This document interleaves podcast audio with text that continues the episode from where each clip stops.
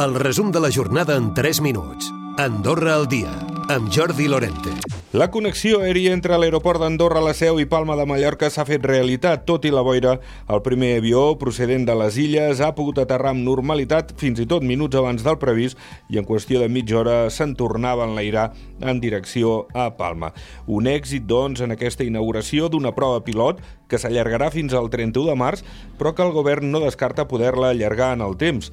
Jordi Torres, ministre de Turisme un win-win pels, uh, pels dos territoris. En aquesta època, doncs, molt, sobretot molta gent que pugui vindre a les Balears aquí al territori, a, les muntanyes, doncs, a disfrutar de, de la neu i nosaltres, doncs, uh, la gent del territori d'Andorra, doncs, a l'estiu, doncs, de poder disfrutar del, del mar i platja que ofereix les Balears, que jo penso que aquí hi guanyarem tots. Hi havia satisfacció entre els usuaris del primer vol d'anada i també de tornada, en part perquè hi ha gent de les Illes Balears que té relacions familiars, sentimentals, laborals i d'estudi a la Seu i a Andorra.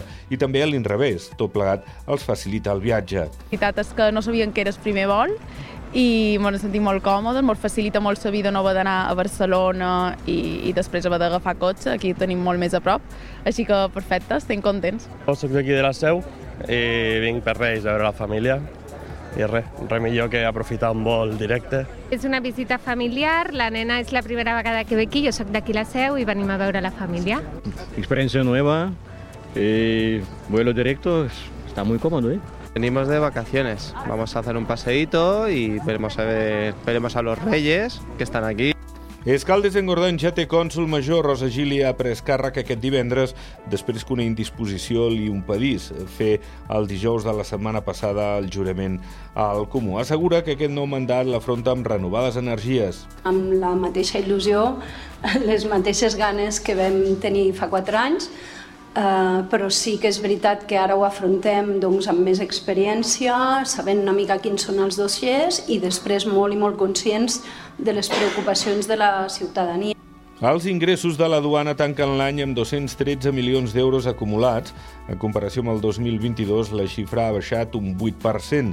En relació amb la taxa d'importacions de tabac, s'ha registrat una davallada del 23,6% respecte a l'any anterior.